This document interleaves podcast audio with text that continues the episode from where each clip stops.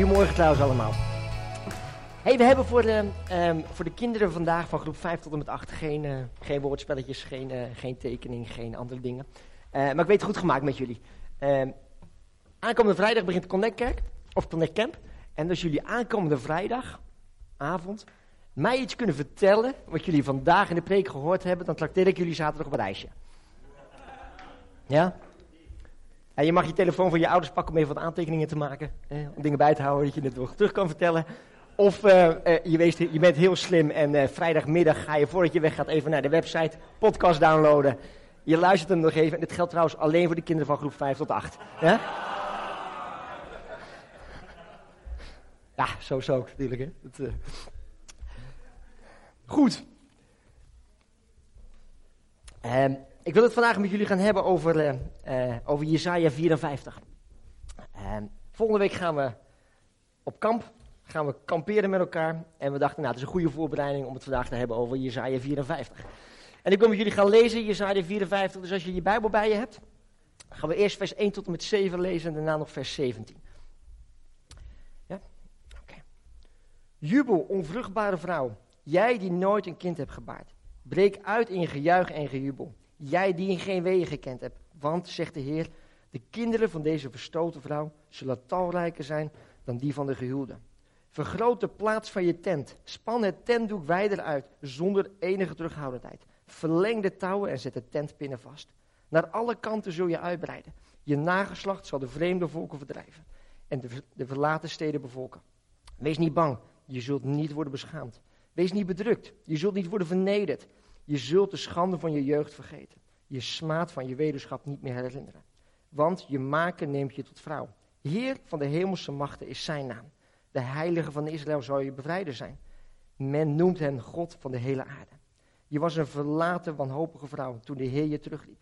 Kan iemand de vrouw van je jeugd verstoten, zegt God. Ik heb je slechts een ogenblik verlaten, maar met open armen zal ik je weer ontvangen. En vers 17, met elk wapen dat tegen jou gesmeed zal, zal machteloos zijn. En in ieder die jou in een geding belastert, zal zelf veroordeeld worden. Dit is het deel dat de dienaar van de Heer toekomt. Dit is het recht dat ik toeken. Zo spreekt de Heer. Oké, laten we bidden. Vader, we willen op dit moment voor uw troon verschijnen. En willen u uitnodigen, Heilige Geest wil u uitnodigen. Om vanmorgen tot ons te spreken. Door dit woord heen. Wat het betekent voor ons. Wat, het, wat de impact is. Wat we, de keuzes die we kunnen maken. Heilige Geest leidt ons en spreekt tot ons hart. In de naam van Jezus. Amen. Dit Bijbelgedeelte zegt iets over de vrouw, zegt iets over herstel. Herstel van de, onge, van de onzwangere vrouw, van de vrouw die niet zwanger kon raken. Herstel van haar. Het Bijbelgedeelte zegt iets over belofte. Belofte dat deze vrouw haar tentpinnen uit de grond moet trekken en weiden moet zetten. En dat is een, een, een verwijzing, deze, dit Bijbelgedeelte, naar Sarah. Onder andere Sarah die de belofte kreeg van God. Van hé, hey, samen met Abraham zul jij een groot nageslacht hebben. Zul jij tot een zegen zijn van anderen. Blessed to be a blessing voor een hele grote natie. Maar zij was, ons, zij was niet vruchtbaar. Ze kon geen kinderen krijgen. En dat God in dit gedeelte tegen haar zegt, in de verwijzing naar Jeruzalem, naar, naar het volk Israël. Hé, hey, dit is het moment dat ik deze belofte die ik je gegeven heb, zal gaan herstellen. En dan zegt God in dit geval niet tegen Sarah of in dit Bijbelgedeelte van: hey, kick everybody out your tent. Nee, maar hij zegt heel duidelijk: maak je tent groter. Maak je tent groter. Trek de tentpinnen eruit, want er moet ruimte gaan komen voor de belofte die ik gegeven heb. Voor de belofte die ik heb, heb uitgesproken naar jou, naar je man en naar, naar jou, Sarah. Om een grote natie te zullen zijn. Dit Bijbelgedeelte gaat ook over een liefdevolle blik hoe Jezus naar zijn volk kijkt. Waar hij haar ophemelt en zegt: Hé, hey, ik heb je nooit losgelaten. Ik vind jou belangrijk. Je bent mooi, je bent krachtig in mijn naam. En in de Bijbel wordt, gedeelte wordt gesproken over een krachtige vrouw. Die zij mag zijn. Die het volk mag zijn in zijn belofte. Die op mag gaan staan en zeggen: Hé, hey, dit zijn wij. Eerherstel zou krijgen. Het gaat over het geliefde volk, dit Bijbelgedeelte. En in de Galaten 4, vers 27 en 28 geeft Paulus eigenlijk zelfs nog aan dat wij zoals wij hier zijn, kinderen van Isaac, kinderen van die belofte zijn. Dus dit Bijbelgedeelte gaat zelfs eigenlijk over ons. Waarin de verwijzing gelegd wordt, wij zijn mede erfgenaam van deze belofte. Wij mogen net als Sarah, net als Isaac, net als alle anderen uitstappen en onze tent binnen de grond uittrekken en ze weiden gaan zetten. Dit gaat over een stukje herstel. Jezaja 54 gaat over herstel. Maar het mooie aan Jezaja 54 is dat het volgt op Jezaja 53. En eigenlijk hebben we er net al over gezongen. Jezaja 53 gaat over Jezus. Jezaja 53 gaat over het stel en het plan van God dat hij zijn zoon naar deze aarde gestuurd heeft. En zegt, hé, hey, door zijn striemen zijn wij genezen. Door de pijn die hij doorgemaakt heeft, zullen wij verheerlijkt worden. Door het sterven van hem zullen wij, aan, zullen wij eeuwig leven kunnen hebben. Zal de relatie met God hersteld kunnen worden. Kunnen we weer in intimiteit leven met hem. Daar gaat Jezaja 53 over. En direct geeft God een profetie aan Jezaja in Jezaja 54. En dit is ook het moment dat je hersteld mag worden. Dat je je tentpinnen ruimer mag zetten, het veld mag gaan innemen. Want dit is het moment dat de belofte gaat komen. Dit is het moment dat je mag gaan staan in die belofte die ik je gegeven heb. En dit Bijbelgedeelte is voor mij een, uh, uh, een, een, een Bijbelgedeelte wat echt al een jaar of tien lang in mijn leven elke keer terugkomt. En ik wil daar een kort stukje over vertellen. tien, tien, jaar geleden, in, in 2007, op een gegeven moment uh, Maarten, hij heeft op het podium gestaan, dus je weet ondertussen wie Maarten is. Die ging een reis organiseren naar Tanzania. En uh, een andere vriend van hem, die zat in Tanzania over een aantal maanden. En hij wilde een zendingsreis van drie weken gaan organiseren om hem te bezoeken, maar tevens gewoon als groep daar te ondersteunen in het werk van wat hij een voorganger deed. Pastor Joshua. En hij had Maarten op een gegeven moment uh, op het podium in de schuilplaats in de kerk. Die zei, hey, ik wil het gaan doen. Volgend jaar in maart en april. Wie heeft er zin om mee te gaan? En toen wist ik direct van mij, hey, daar heb ik een klik mee. Dat, dat wil ik wel. Dat vind ik leuk. Ik hield van reizen, ik hield van dat soort zaken. Dus nee, ik wil mee. Maar goed, ik was getrouwd en uh, Dana was net, uh, net geboren. Die was nog ineens een jaar oud. En Maarten's eerste voorstel was precies in de tijd dat Dana één zou worden. Ik dacht, nou, dat gaat niet gebeuren. Dus na de dienst ben ik naar hem toe gegaan. Ik zei, nou, ik wil mee, maar ik wil er over nadenken. Ik wil ervoor bidden. Ik wil mee aan de slag gaan. En er was een paar maanden later, of een paar weken later, was ik in Duitsland op een, eh, op een christelijke meeting, een man of twintig, en we zijn aan het bidden. En, en op een gegeven moment geeft iemand een profetie en zegt, hé, hey, Jezaja 54 vers 2. Zet je tentpinnen ruimer, neem je veld in, neem je terrein in. En er zal herstel komen van de belofte van God. En ik wist direct, dat is voor mij.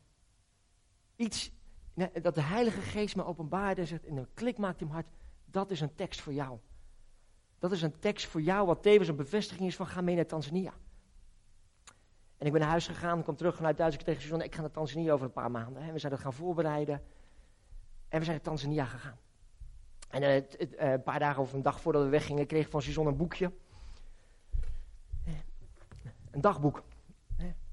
Om in te schrijven, elke dag schrijf je verhalen wat je meemaakt, wat je beleeft wat God gaat doen in deze tijd. Want het is niet zomaar, want God heeft gesproken over Jezaja 54 vers 2. En ik wil er een heel klein stukje uit voorlezen. Ik zal niet beginnen met Lief Dagboek. En voor de mensen die het kunnen, uh, ik heb er een fotootje van gemaakt. En heel duidelijk, voordat ik op reis ging, heb ik gezegd, oké, okay, Jezaja 54. De vrouw die niet kon baren, ontvangt eerherstel. God herstelt haar pijn en verdriet en geeft de opdracht om de plaats van de tent te vergroten. Voor mijzelf betekent dit dat God herstelt wat ik meegemaakt heb. En hoe ik hierdoor geworden ben. Geen helper, maar een krachtige, zelfstandige man. Ik zal niet worden beschaamd en God zal mij dingen teruggeven. Met deze gedachte en met dit woord ging ik naar Tanzania toe. En dat was ook mijn verlangen. En als iets je verlangen is en je spreekt het uit naar God, berg je dan maar. Want dan weet je dat God iets gaat doen. Want jij geeft hem ruimte en hij gaat iets doen. En het mooie was, elke dag hadden we, we noemen dat devotion time, een tijd van gebed, een tijd van stil zijn, een tijd van in Gods aanwezigheid zijn. En het bijzondere was het elke keer dat God op een gekke manier iemand in het middenpunt plaatste van onze groep van acht mannen. En dat we daarvoor gingen bidden, dat er bijzondere dingen gebeurden. En zo was het op een gegeven moment op een, op een morgen dat uh, een, van onze, een van onze gasten met wie we optrokken, die zei, hey, Marcia, ik wil voor je bidden. En hij begon te bidden voor mij. En in dat tijd van gebed, en dat heeft denk ik een uur geduurd, alle mannen, godsmannen, waren jonge gasten, die kregen allemaal een woord of een beeld of een profetie of een gebed. En het ging non-stop, werd het over mij uitgesproken. En de bijzondere profetie is vaak voor de toekomst gericht, maar alles wat hierover ging, wat er gesproken werd, ging over mijn verleden. Alles wat er gesproken werd, ging over dingen die ik had meegemaakt, ongeacht wat dan ook. En die gingen ging over herstel, dingen die mij aangedaan waren, dingen die over me uitgesproken werden, dingen die ik heb meegemaakt als kind, die mij pijn hadden gedaan, dingen die tegen mij gezegd werden, dat ik klein bleef, waardoor ik niet durfde uit te stappen om mijn plek in te nemen. Maar steeds te blijven handelen vanuit, vanuit dat, vanuit wat ik gewend was, wat ik veilig was gaan vinden. Pijn en verdriet. En er was een beeld op een gegeven moment, iemand zei, hey, er zijn scherven van glas in je rug gestoken in de afgelopen jaren. Denkbeeldige scherven. En die pijn, daar loop je steeds mee rond. En elke stap die je zet, voel je dat. Dus je kunt niet vrij bewegen. En zeg God, en ik zal je nu gaan zalven. En door die, zalf, die zalving, die, die zalfolie die over je rug zal lopen, zullen die glasscherven er één voor één uitvallen. Want ik ben bezig op dit moment om jou te herstellen. En ze ging dat een uur lang door. En ik heb een uur, nee, wel langer, een paar uur gejankt. Gehuild voor wat God op dat moment in mijn leven aan het doen was. Mij aan het herstellen. Mij de ruimte geven van, hé, hey, Marcel, jij bent anders dan dan wat je waarin ben gaan geloven.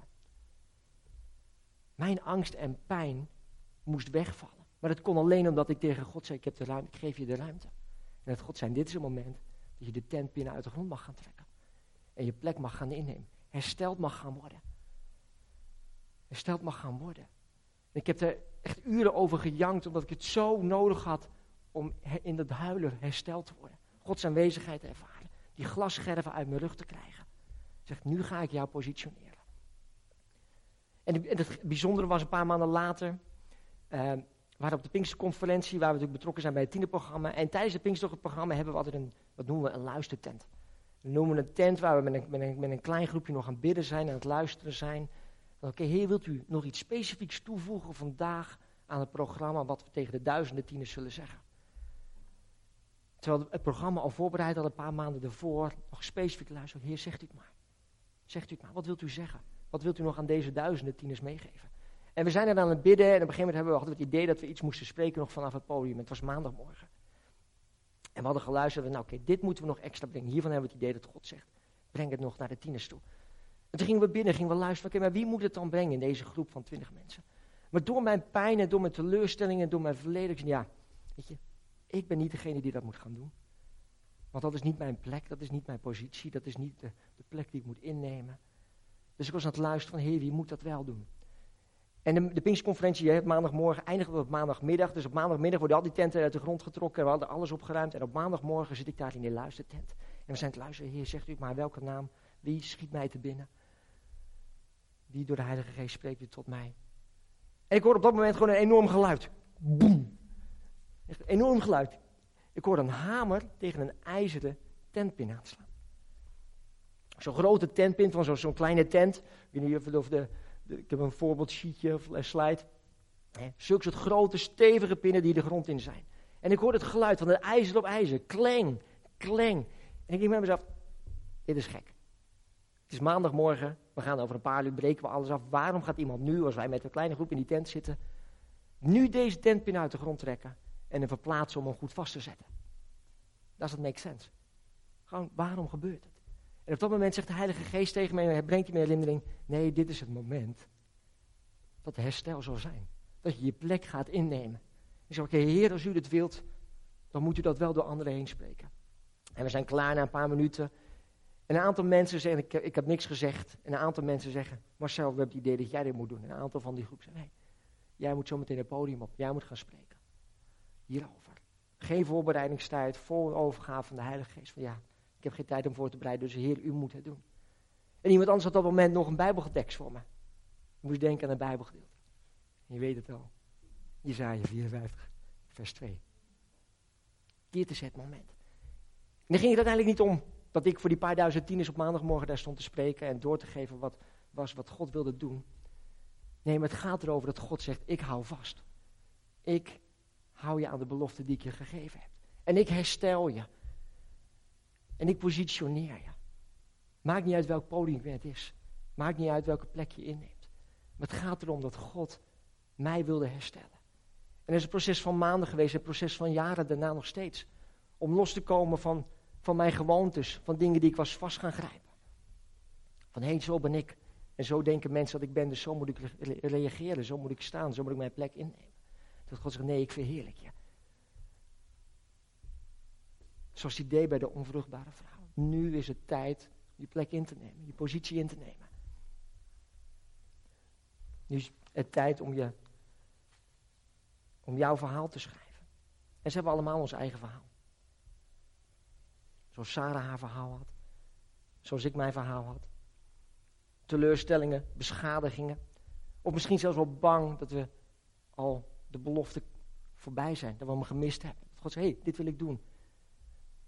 En dat je nu denkt, ah, dat moment is eigenlijk al geweest. Ik heb hem gemist. Ik heb de trein gemist. Ik ben te laat. Bang dat je de belofte gemist hebt. En in Jezaja 54, vers 10 staat een heel mooi vers.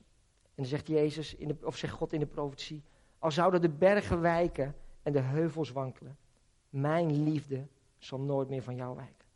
Mijn vredesverbond is onwankelbaar, zegt de Heer, die zich over je ontfermt.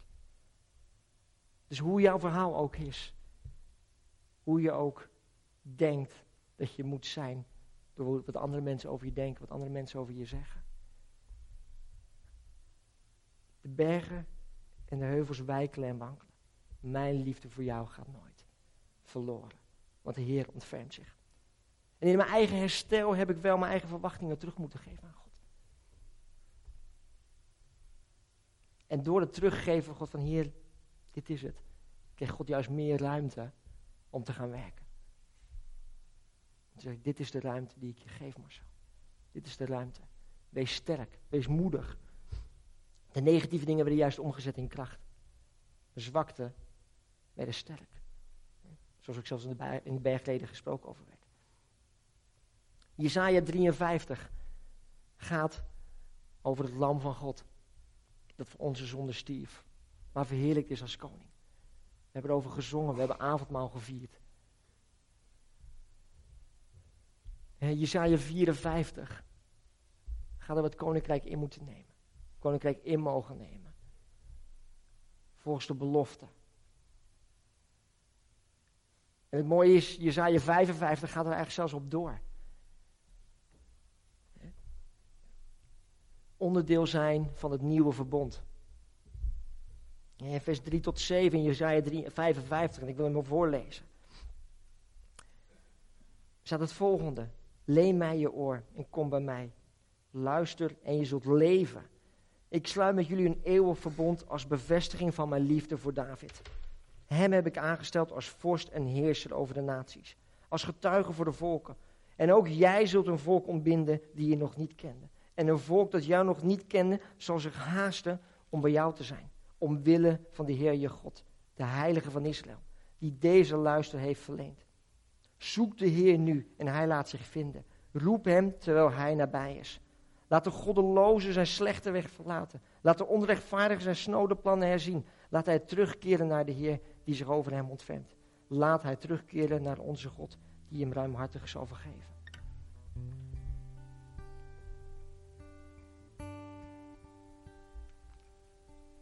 Het is een soort drieluik.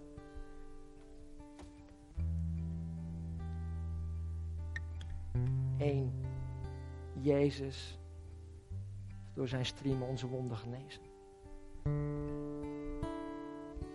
De ziekte gedragen, de pijn gedragen, vernederd, klein gemaakt, uitgescholden als uitschot van de wereld.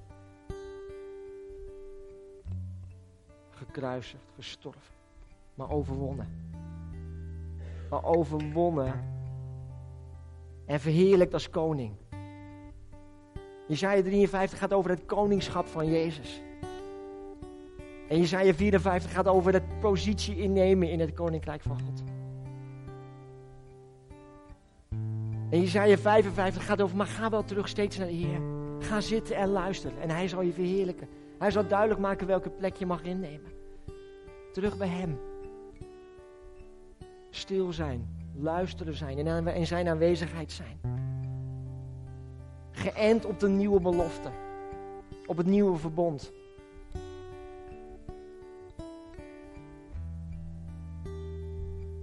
Plek innemen. Zoals het hele jaar al, waar we het hele jaar al over hebben. Een koninkrijk van priesters. Een heilige natie.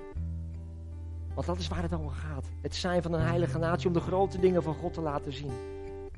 Maar durf je wel in de belofte te gaan staan? Durf je terug te grijpen naar wat heeft God over mij gesproken? Of wat wil God over mij gaan spreken? Ik heb het los moeten laten. Om God juist meer ruimte te geven. En het deed verschrikkelijk veel pijn. Het was emotioneel, dat was heftig. En soms duurt dat jaren. Maar ik weet één ding. Dat het Gods verlangen was om mij te positioneren. En Gods verlangen nog steeds is om mij te positioneren. Als koninklijk priester. Onderdeel van de heilige natie om de grote dingen van God te laten zien. Want dat is zijn doel ermee. Hij wil ons verheerlijken. Hij wil jou verheerlijken. Zeg, kom los van je gedachten dat je nog steeds een onvruchtbare vrouw bent. Dat je nog niet mag staan in de belofte die hij geeft. We hebben thuis een, uh, vorig jaar in de tuin hebben we een tuintafel gekocht. Een nieuw, want de oude was kapot. Er was een bouwpakket en het kwam aan. Ik ben echt enorm goed met bouwpakketten. Hij stond in elkaar. Staat nog steeds in elkaar. En vorig jaar, september, tot het menu. Perfect. Lekker aan eten. Lekker aan zitten. Goede gesprekken voeren. Maar de afgelopen maand is die gaan wiebelen. Dus ergens iets in de tuintafel heb ik niet helemaal goed gedaan. Want de poten zitten niet goed vast. Dus het wordt steeds lastiger om eraan te eten. Want elke keer zegt ja, zit even stil. Ja, dat gaat niet, met die tafel wiebelt. Het ligt niet aan mij, maar het ligt aan de tafel. Dus ik moet nu kiezen om die tafel op zijn kop te gaan leggen. Die poten er vanaf te halen, de schroeven eruit te halen. Kijken wat ik moet herstellen. Om die schroeven er weer in te draaien. En die tafel op zijn kop te kunnen zetten en weer heerlijk te kunnen aan eten. En goede gesprekken te kunnen voeren. Maar in dat hele proces van die poten loshalen, op zijn kop gooien dergelijke. Blijft die tafel nog steeds aan tafel? Blijft die tafel nog steeds aan tafel? Hij staat nog steeds in zijn belofte als tafel waar mensen aan kunnen eten. Maar hij moet wel hersteld worden.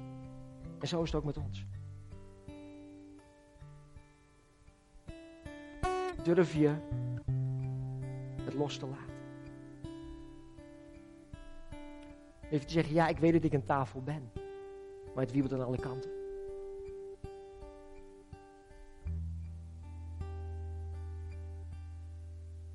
Durft u zeggen, ja heer, ik ben beschadigd. Maar ik wil loskomen van die beschadigingen om verheerlijk te worden. Ik weet wat u geprofiteerd heeft over mij. Ik weet wat u gezegd heeft. Wat u beloofd heeft. En ja, daar wil ik naartoe.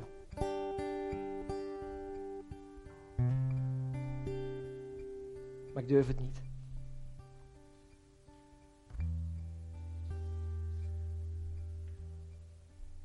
Misschien Stel je de vraag om een remmer op. Ja, heer, ik wil echt. Overwegen.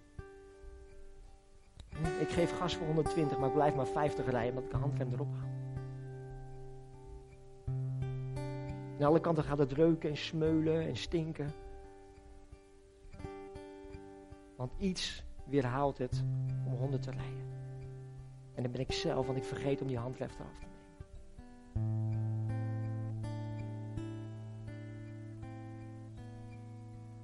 Ik denk dat het ook Gods verlangen is voor vanmorgen. Voor ons als gemeente. We hebben niet voor niks deze tekst gekregen aan het begin van het jaar.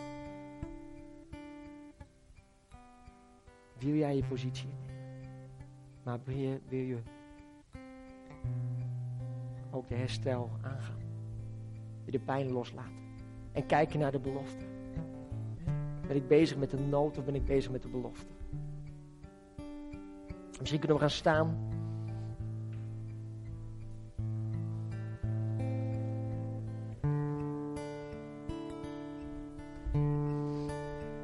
Misschien is het wel zoals een keerpunt in je leven.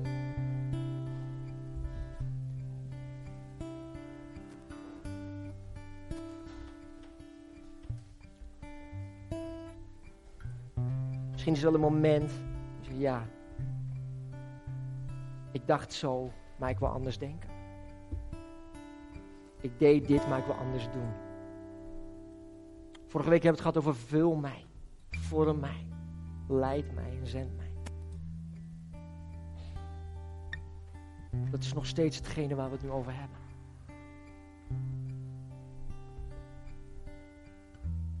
Vul mij, herstel mij, leid mij, zodat ik de positie kan innemen. Zodat God tegen mij kan spreken in zijn tent. En dat ik mag zien dat ik de ruimte ga innemen om het koninkrijk van God groter te maken. Want God heeft jullie allemaal krachtig gemaakt. Sterk gemaakt. Onderdeel van zijn belofte en van zijn kracht en van zijn autoriteit.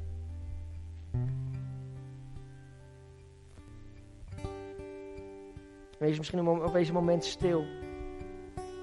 En luister heel goed voor jezelf. Je eigen gedachten. Tot de Heilige Geest in je gedachten spreekt. Wat betekent dit voor mij? Wat betekent dit voor mij? Ik moest stoppen met een aantal zaken. Verantwoordelijkheden, met taken. Omdat ik niet meer tot mijn recht kwam. Er komt een nieuwe fase, een nieuwe tijd. En dat was tien jaar geleden. Nu weet ik elke keer, elke dag opnieuw. Ik wil kijken naar Gods beloftes. En niet meer vasthouden aan hoe ik dacht. Of wat anderen dachten.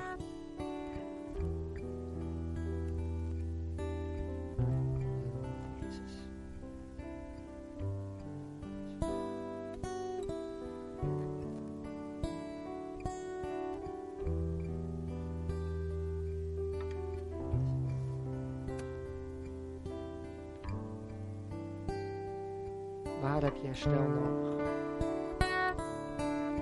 Welke pijn draag je mee?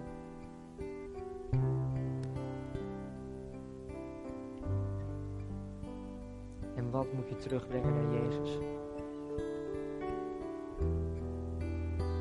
Want het is een beautiful name. Door zijn striemen ben je genezen. Door zijn offer mag je die tent binnen eruit trekken. Groot ze ook zijn, en je gebied vergroten. Om te staan in de autoriteit van God, die je gegeven is. Staan in de belofte van herstel en staan in het belofte van het koningschap.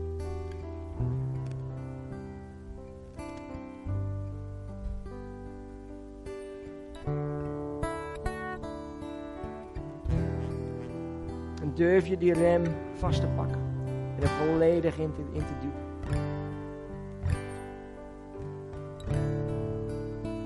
Wat heel begrijpelijk is dat je het met een rem wil doen. Omdat je niet weet wat er gaat komen. Maar denk dan in de andere, andere weg. Dat God zegt, ik ontferm, ontferm je over mij. Over jullie. En Jezaja 54 vers